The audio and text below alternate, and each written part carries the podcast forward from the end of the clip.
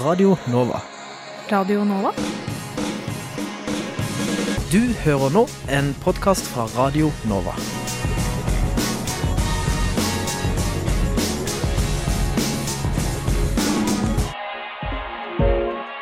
For Trump så har han både vunnet og tapt.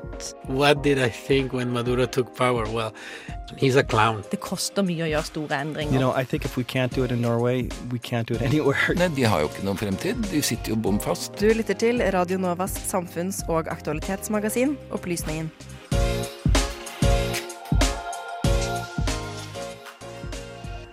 USA har trukket soldatene sine ut av Syria. Tyrkia har sendt sine soldater inn i Nord-Syria.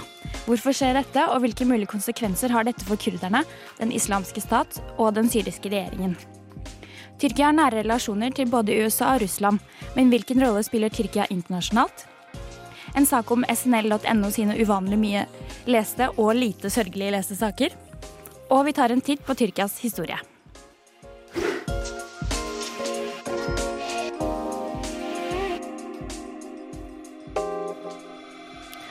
Hei og velkommen til denne fredagens Opplysningen 99,3. I studio har vi Sander. Sander God morgen. og Sebastian. Hei, hei. Og meg, Maria. Vi skal lede deg gjennom denne ukens uh, opplysningen. Uh, og først så skal vi høre litt om SNL. På nettsidene til Den store norske leksikon finner man det man trenger å vite, men kanskje få uh, vet. SNL har en daglig fremheving av de mest leste sakene, uvanlig mye leste og sørgelig lite leste artikler. Dette har Nora Amanda Ness Holm latt seg inspirere av, og nå skal vi høre mer om en italiensk maler, knusing av stein og vinterdagen. SNL.no er en flott nettside. Den har liksom alt vi trenger å vite, og det hele er skrevet av folk som veit hva de driver med. Store norske leksikon, som det står for, er noe vi alle trenger. Man kommer liksom ikke unna det. Men det er ikke alle artiklene som blir like mye besøkt på SNL. Hver dag fremhever de artikler i tre kategorier. Mest lest i går, uvanlig mye lest og sørgelig lite lest. Og den sistnevnte kategorien synes jeg er svært interessant. For det er viktig å fremheve kanskje noen litt mer ukjente temaer. Så nå skal jeg presentere noen av disse sakene som SNL synes er sørgelig lite lest. Og det er altså tirsdag 15. oktober 2019.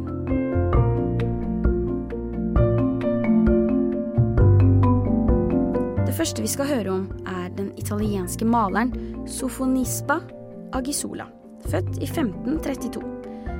Angisola kom fra en familie hvor malerkunsten var veldig viktig, og fire av hennes fem søstre malte også. Faren hennes sendte til og med verkene hennes til Michelangelo og en rekke andre kjente kunstnere for å korrespondere om utviklingen hennes som maler. Pga. at Angisola kom fra en adelig familie, var det ikke mulighet for henne å leve av å være maler og selge bildene hennes på den normale måten. Det var nemlig et mannsyrke. Hun oppholdt seg en periode ved Gonzaga-hoffet i Mantova, hvor hun fikk vise frem sine maleevner. En posisjon som malende hoffdame var nemlig sosialt akseptabelt. Og da Philip 2. av Spania giftet seg med Isabel de Valois, ble Angisola formelt tilkalt til Spania som dronningens nye hoffdame. Her fikk hun virkelig vise frem kunsten sin, og malte hoffportretter så det holdt. Hun lærte til og med dronningen selv å male. Etter hennes bortgang ble til og med mange av verkene hennes verdsatt av anerkjente menn på datiden, noe som var høyst uvanlig. Så heia Sofonispa Angisola. Nå skal vi over til noe helt annet, men dette har noe til felles med kjære Angisola. Det er nemlig en sørgelig lite lest artikkel på snl.no. Og det er nettopp derfor jeg forteller om den, for det er verdt å vite. Og det handler om mekanisk forvitring.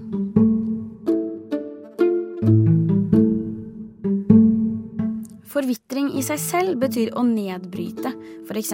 bergarter og mineraler med ytre krefter. Det finnes to typer mekanisk forvitring og kjemisk forvitring. Kjemisk forvitring er det som skjer i den kjemiske reaksjonen mellom grunnvann og mineraler, altså vann og stein. Men dette er ikke det vi skal snakke om, For vi skal snakke om den andre typen, altså mekanisk forvitring. Mekanisk forvitring er nemlig enkelt og godt knusing av stein. Her blir altså mineralogien bevart. Ingen kjemisk endring skjer. Det er bare store stein som blir til mindre stein. Og det finnes mange ulike måter dette skjer på. Annet rotsprengning, hvor større røtter kan utvide sprekker i berggrunnen etter hvert som planta vokser. Og frostforvitring, hvor volumendringen som skjer når vann fryser, kan utvide sprekker. Eller abrasjon, hvor større stein reduseres til mindre stein ved sliping eller gnissing, som følge av f.eks. sandkorn i vinden eller et vannfall. Dette er derfor steiner i vannkanten er så runde pga. mekanisk forvitring, eller nærmere sagt abrasjon. Og så har vi en sak som var uvanlig mye lest på mandag, nemlig vinterdagen. For vinterdagen var jo på mandag. Den kommer fra primstaven og skjer hvert år den 14. oktober. Dette er altså dagen vintersiden av primstaven starter på, så nå er det vinter. Og den varer helt frem til 14. april, når sommersiden kan snus frem igjen.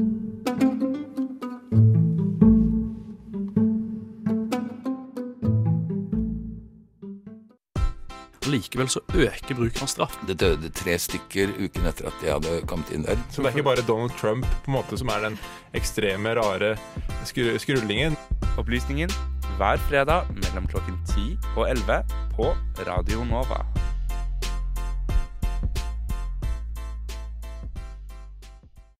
Tyrkia ja, de preger i dag forsidene på både nasjonale og internasjonale aviser. Men hva vet du egentlig om Tyrkias historie? Vet du f.eks. hvem Mustafa Kamal Atatürk var? Eller hvorfor Erdogans religiøse politikk er så kontroversiell? Og hvorfor har Tyrkia hatt så utrolig mange statskupp? Det skal vi ta en liten titt på. Tyrkia utgjør i dag en stor del av det internasjonale maktspillet, og er av mange sett på som en mellomstormakt. Hvordan har et land som lå skadeskutt etter det ottomanske rikets fall for mindre enn 100 år siden, greid å kare seg til den statusen de har i dag?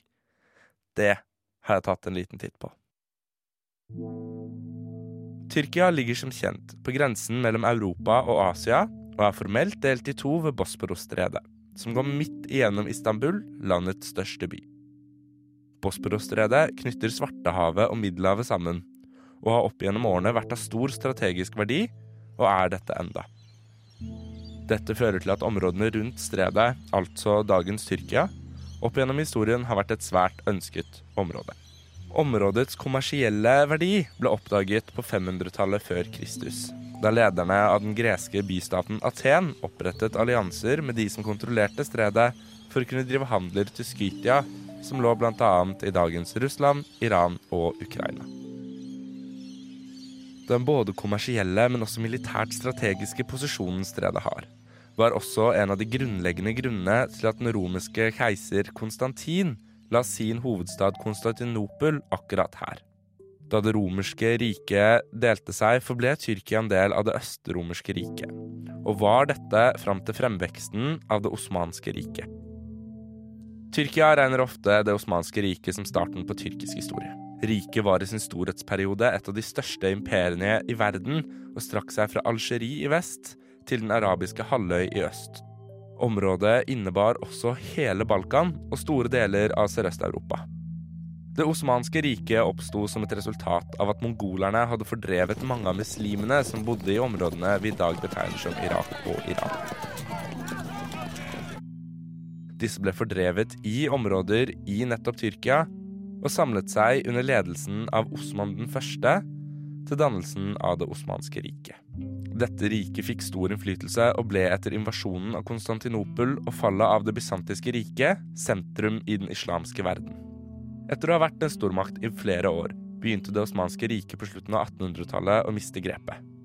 Da første verdenskrig startet, entret osmanerne krigen på sentralmaktenes side, og var dermed alliert med bl.a. Tyskland og Østerrike.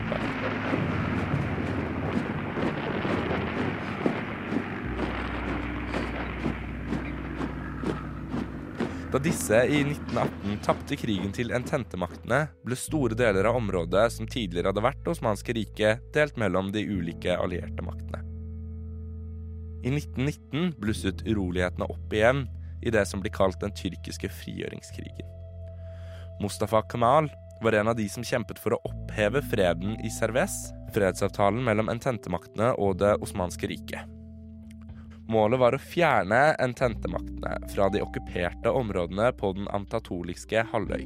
I 1923 ble republikken Tyrkia etablert, med Ankara som hovedstad, og Lausanne-traktaten ble underskrevet og erstattet dermed Serves-avtalen. Denne avtalen innebar at okkupasjonsmaktene skulle trekke seg ut, men også store befolkningsutvekslinger. Blant annet ble 1,3 millioner grekere tvunget til å forlate republikken, mens en halv million tyrkere dro andre veien. Som konsekvens av dette ble republikken Tyrkia svært etnisk homogen. Etter uttrekningen ble Mustafa Kemal Tyrkias første president. Kemal fikk under tiden som president tilnavnet Atatürk, tyrkernes far. Mellom 1924 og 1935 gjennomførte Atatürk omfattende reformer på en skala aldri tidligere sett i den muslimske verden. Han opphevet kalifatet og islamsk lovgivning. Det arabiske alfabetet ble erstattet av det latinske. Kalenderen ble gjort om til å følge vestlig standard med søndag som hviledag, og kvinners stilling ble betydelig forbedret. Blant disse lovene ble det også lettere å kjøpe alkohol, og bruken av hodedekkende sjal ble gjort forbudt. Atatürk ønsket med dette å skape et mer sekulært samfunn. Altså skape et samfunn med et skille mellom stat og kirke. Han ga militæret oppgaven med å opprettholde det sekulære, og ga dem beskjed om at dersom samfunnet gikk i retning av et mindre sekulært samfunn, skulle de starte et statskupp og ta makten. Dette har de gjort gjentatte ganger, både i 1960, 1971 og 1980. Grunnen til disse store reformene var at Atatürk så på islam som et hinder for økonomisk, mental og sosial utvikling. Disse endringene skapte splittelse i befolkningen, som besto av 96% muslimer, men Atatürk greide allikevel å samle det tyrkiske folket rundt ham. Fremgangen hans skyldtes til tider hensynsløs behandling av motstanderne. Men Atatürk uttalte selv at hans diktatoriske styremåte var nødvendig for at Tyrkia i løpet av kort tid skulle få et virkelig demokrati. It is to the credit of Ataturk and the Turkish people that a free Turkey grew out of a collapsing empire. Atatürks ønske om et virkelig demokrati kan først sies å oppnå i 1946, da landet ikke lenger var en ettpartistat, og i valget i 1950 ble det for første gang valgt en leder som ikke var fra Ataturks republikanske folkeparti, da landet valgte Adnan Menderes. Internasjonalt har Tyrkia i ettertiden begynt å spille en større rolle i det internasjonale samfunnet. Da andre verdenskrig startet, gikk tyrkerne inn i krigen og sympatiserte med Nazi-Tyskland. Men etter hvert som krigen utfoldet seg, bestemte tyrkerne seg for å heller erklære krig mot nazistene. Dette ble gjort av den ene grunn at de ønsket å bli med i dannelsen av FN. Og i tiden etter krigen ble Tyrkia et av de grunnleggende landene i FN. I 1952 ble landet også et Nato-land, altså er landet i dag alliert med Norge. Landet har også hatt samarbeid med EU siden 1963, da de signerte sin første avtale med unionen. Tyrkias nåværende president har jobbet hardt for at landet skal bli en medlemsstat av unionen, men nå virker det som om mye av arbeidet i Tyrkia vil trekke dem lenger vekk fra EU. Den 25. juli 2016 opplevde Tyrkia et forsøk på kupp. Kuppmaktene erklærte unntakstilstand og portforbud, men allerede neste formiddag var kuppforsøket over. Som et resultat av dette ble 230 mennesker, blant disse 145 sivile, drept. President Erdogan erklærte tre måneder unntakstilstand etter kuppforsøket, og flere tusen soldater, deriblant 100 generaler, ble arrestert. Kun få dager etter kuppforsøket ble også 8000 politimenn og 3000 dommere avskjediget eller arrestert. Og i dag sitter over 150 tyrkiske journalister fengslet. 16.07.2017 ble det avholdt en folkeavstemning i Tyrkia. Avstemningen gjaldt forslag om endringer av Tyrkias grunnlov. Disse endringene ville føre til at vesentlig makt ville overføres fra Tyrkias nasjonalforsamling til presidenten Erdogan. Samtidig ble statsministerposten fjernet, og Erdogan ble med denne folkeavstemningen den mektigste tyrkiske lederen siden Atatürk. Men hvordan vil historien til Tyrkia utvikle seg med Tyrkias sterkeste president siden Atatürks død? Og hva vil skje? Vil Tyrkia fortsette i retningen de har hatt de siste årene? En retning som gjør dem mindre sekulære og mer autoritære? Eller vil det bli nok et kuppforsøk i landet for å forsøke å styrte Erdogan? Det vil bare tiden vise. Det er virkelig helvete på jord. Men da må det jo også være menn en kan velge. Er det noe i eh, den norske velferdsstaten og norsk eller nordisk kultur som gjør at vi har et litt mer tilbakeholdent forhold til eh, bruk av straff? Opplysningen gir deg historiene, sakene og debattene andre overser. Aldri redd, alltid balansert. Opplysningen på Radio Nova. Tyrkia de har til tross for alliansen med Nato tette bånd både til Russland og Iran. Hvordan kan dette ha seg? Hvilken rolle spiller Tyrkia internasjonalt? Og hvordan reagerer andre land, både allierte og ikke, på Tyrkias innmarsj i Syria? Det har opplysningsjournalist eh, Trym Fjellheim Karlsen tatt en liten titt på, og i dette klippet her så hører vi Theis Magelsen fra Frokost. Minst to sivile er drept i tyrkiske flyangrep nordøst i Syria, ifølge kurdiske styrker. For få timer siden bekreftet Tyrkias president at landet har startet et angrep mot kurderne nord i Syria, og det er meldt om eksplosjoner flere steder. Som vi hørte i dette klippet fra Dagsrevyen onsdag 9.10, har Tyrkia invadert områder i Nord-Syria. Tyrkias plassering mellom Europa og Asia har gitt landet en nøkkelrolle i forholdet mellom de to verdensdelene. Med Tyrkias aktive invasjon av Syria pågående, har vi tatt en titt på Tyrkias internasjonale forhold. Tyrkia og USA har hatt et eh, historisk turbulent forhold.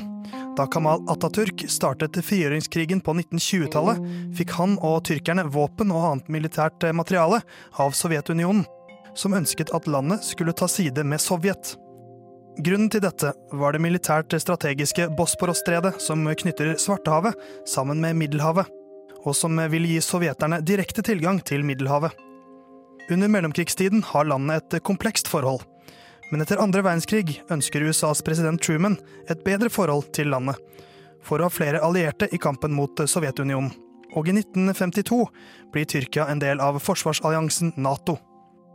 I tiden etter den kalde krigen har forholdet til landet derimot blitt mer komplekst. Tyrkia støttet USA i invasjonen av Afghanistan, som startet i 2001. Men da krigen i Irak startet i 2003, valgte tyrkerne å sitte på sidelinjen. Erdogans stadig mer autoritære styre har gjort forholdet mellom de to landene kjøligere. Noe vi ser i dag med Tyrkias angrep mot kurderne i Syria. USA støttet i tiden de var inne i Syria den kurdiske militsen, mens tyrkerne er imot kurderne. I en presseuttalelse etter Tyrkias invasjon sier president Donald Trump. Denne morgenen invaderte Tyrkia, et Nato-medlem, Syria. USA støtter ikke dette angrepet, og har gjort det klart overfor Tyrkia at operasjonen er en dårlig idé. Tyrkias forhold til Russland er også veldig komplisert.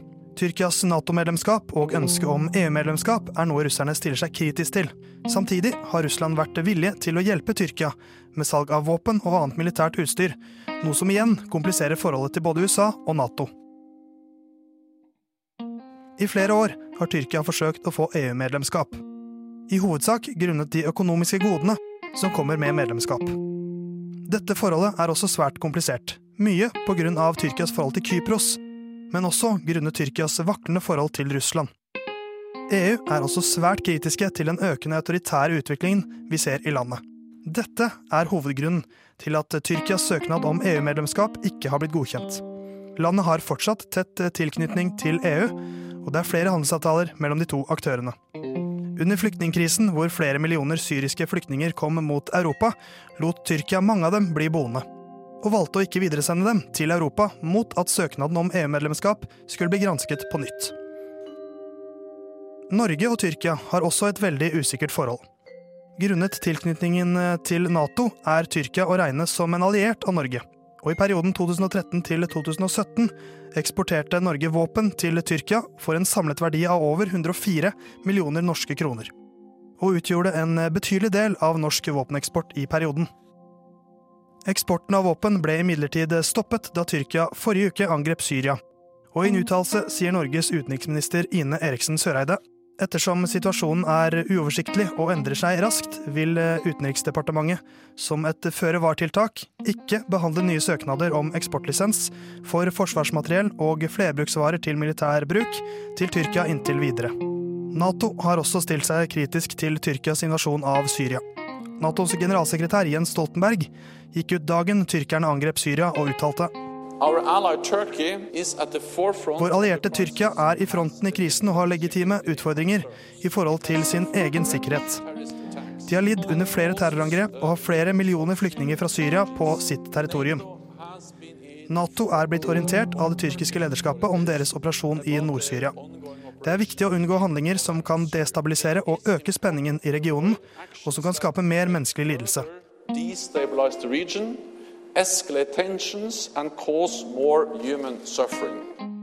Den eneste store aktøren som ikke direkte har kritisert Tyrkia etter angrepet, er Russland. De er aktive i krigen på syrisk side, og sier i en uttalelse at angrepet ikke ødelegger vennskapet med Russland, og heller ikke vil gjøre det før invasjonen er i strid med russiske interesser. Hører på Opplysningen. Aldri redd, alltid balansert. Opplysningen hver fredag mellom klokken 10 og 11 på Radio Nova.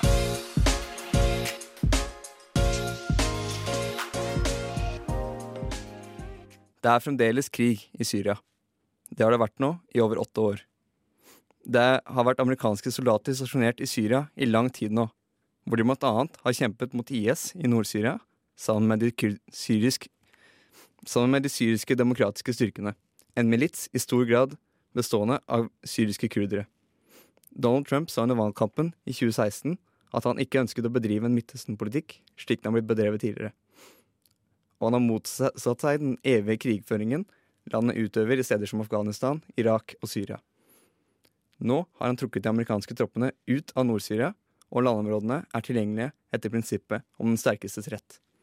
Synkront med amerikansk uttrekking har tyrkiske styrker entret Nord-Syria.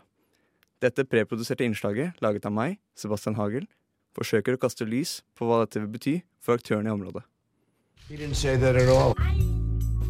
That has nothing to do with us. And uh, the Kurds are much safer right now, but the Kurds know how to fight. And as I said, they're not angels. Og nå tror jeg vi trenger en nyhetsoppdatering. 6.10.2019 hadde presidentene Trump og Eidogan en telefonsamtale som nå har ledet til at amerikanske soldater har trukket seg ut av Nord-Syria og har dermed forlatt deres kurdiske allierte i de syriske demokratiske styrkene, noe enkelte republikanere mener er et svik. Tyrkiske tropper har trukket inn i Nord-Syria med den intensjon å skape en barriere mellom dem og den syrisk-kurdiske militsen. Syriske regjeringsstyrker og russiske tropper har også tatt til seg land for å fylle maktvakuumet etterlatt av de amerikanske troppene. Nato-medlemmet Tyrkia har trosset internasjonalt press, bl.a. vist gjennom amerikanske sanksjoner på stål og en stans i våpenhandel fra bl.a. Norge og Sverige. Storbritannia har også gjennomført stans i handelen av våpenmateriell til Tyrkia, der de ser muligheten for at det kan brukes i Syria. Og utenriksminister Dominic Raab uttalte foran parlamentet This is not the action we expected from an ally. It is reckless, it is counterproductive, and it plays straight into the hands of Russia and indeed the Assad regime. So the UK government calls on Turkey to exercise maximum restraint and to bring an end to this unilateral military action.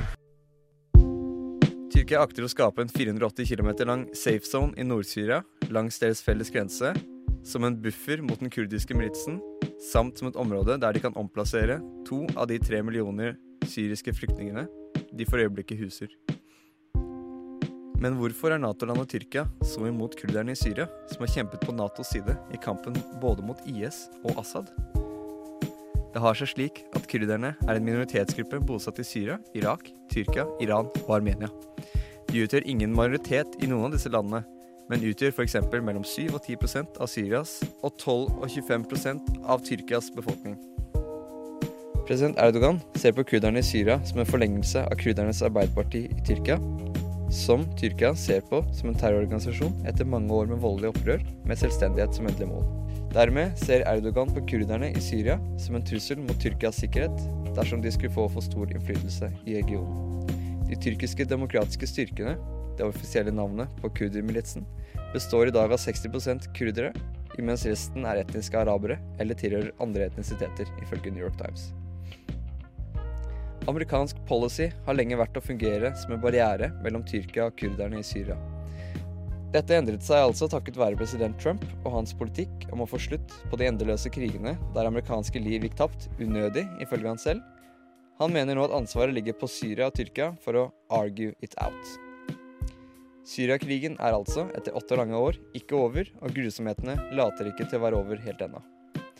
Når amerikanerne nå trekker seg ut, og kurderne blir presset, trekker som nevnt Assad-vennlige styrker inn. Mange melder om at vi kan se en ny vår for den islamske stat, nå når kurderne ikke lenger har støtten for å bekjempe dem i Nord-Syria.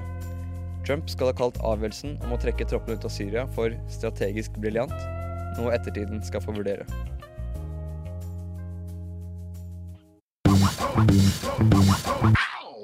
Opplysningen hver fredag mellom klokken 10 og 11 på Radio Nova. Aldri redd, alltid balansert. Opplysningen.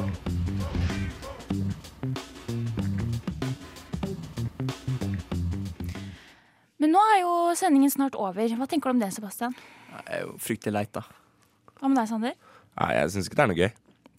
Ok, men Vi må si hvem som har vært medvirkende til ukens sending. da. I tillegg til oss så har det vært Trym Karlsen, Theis Magelsen og Nora Holm. Eh, har du noen siste ord før vi går inn i helgen? Nei, bare god helg.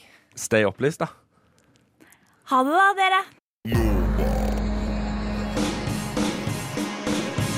Du har hørt en podkast fra Radio Nova.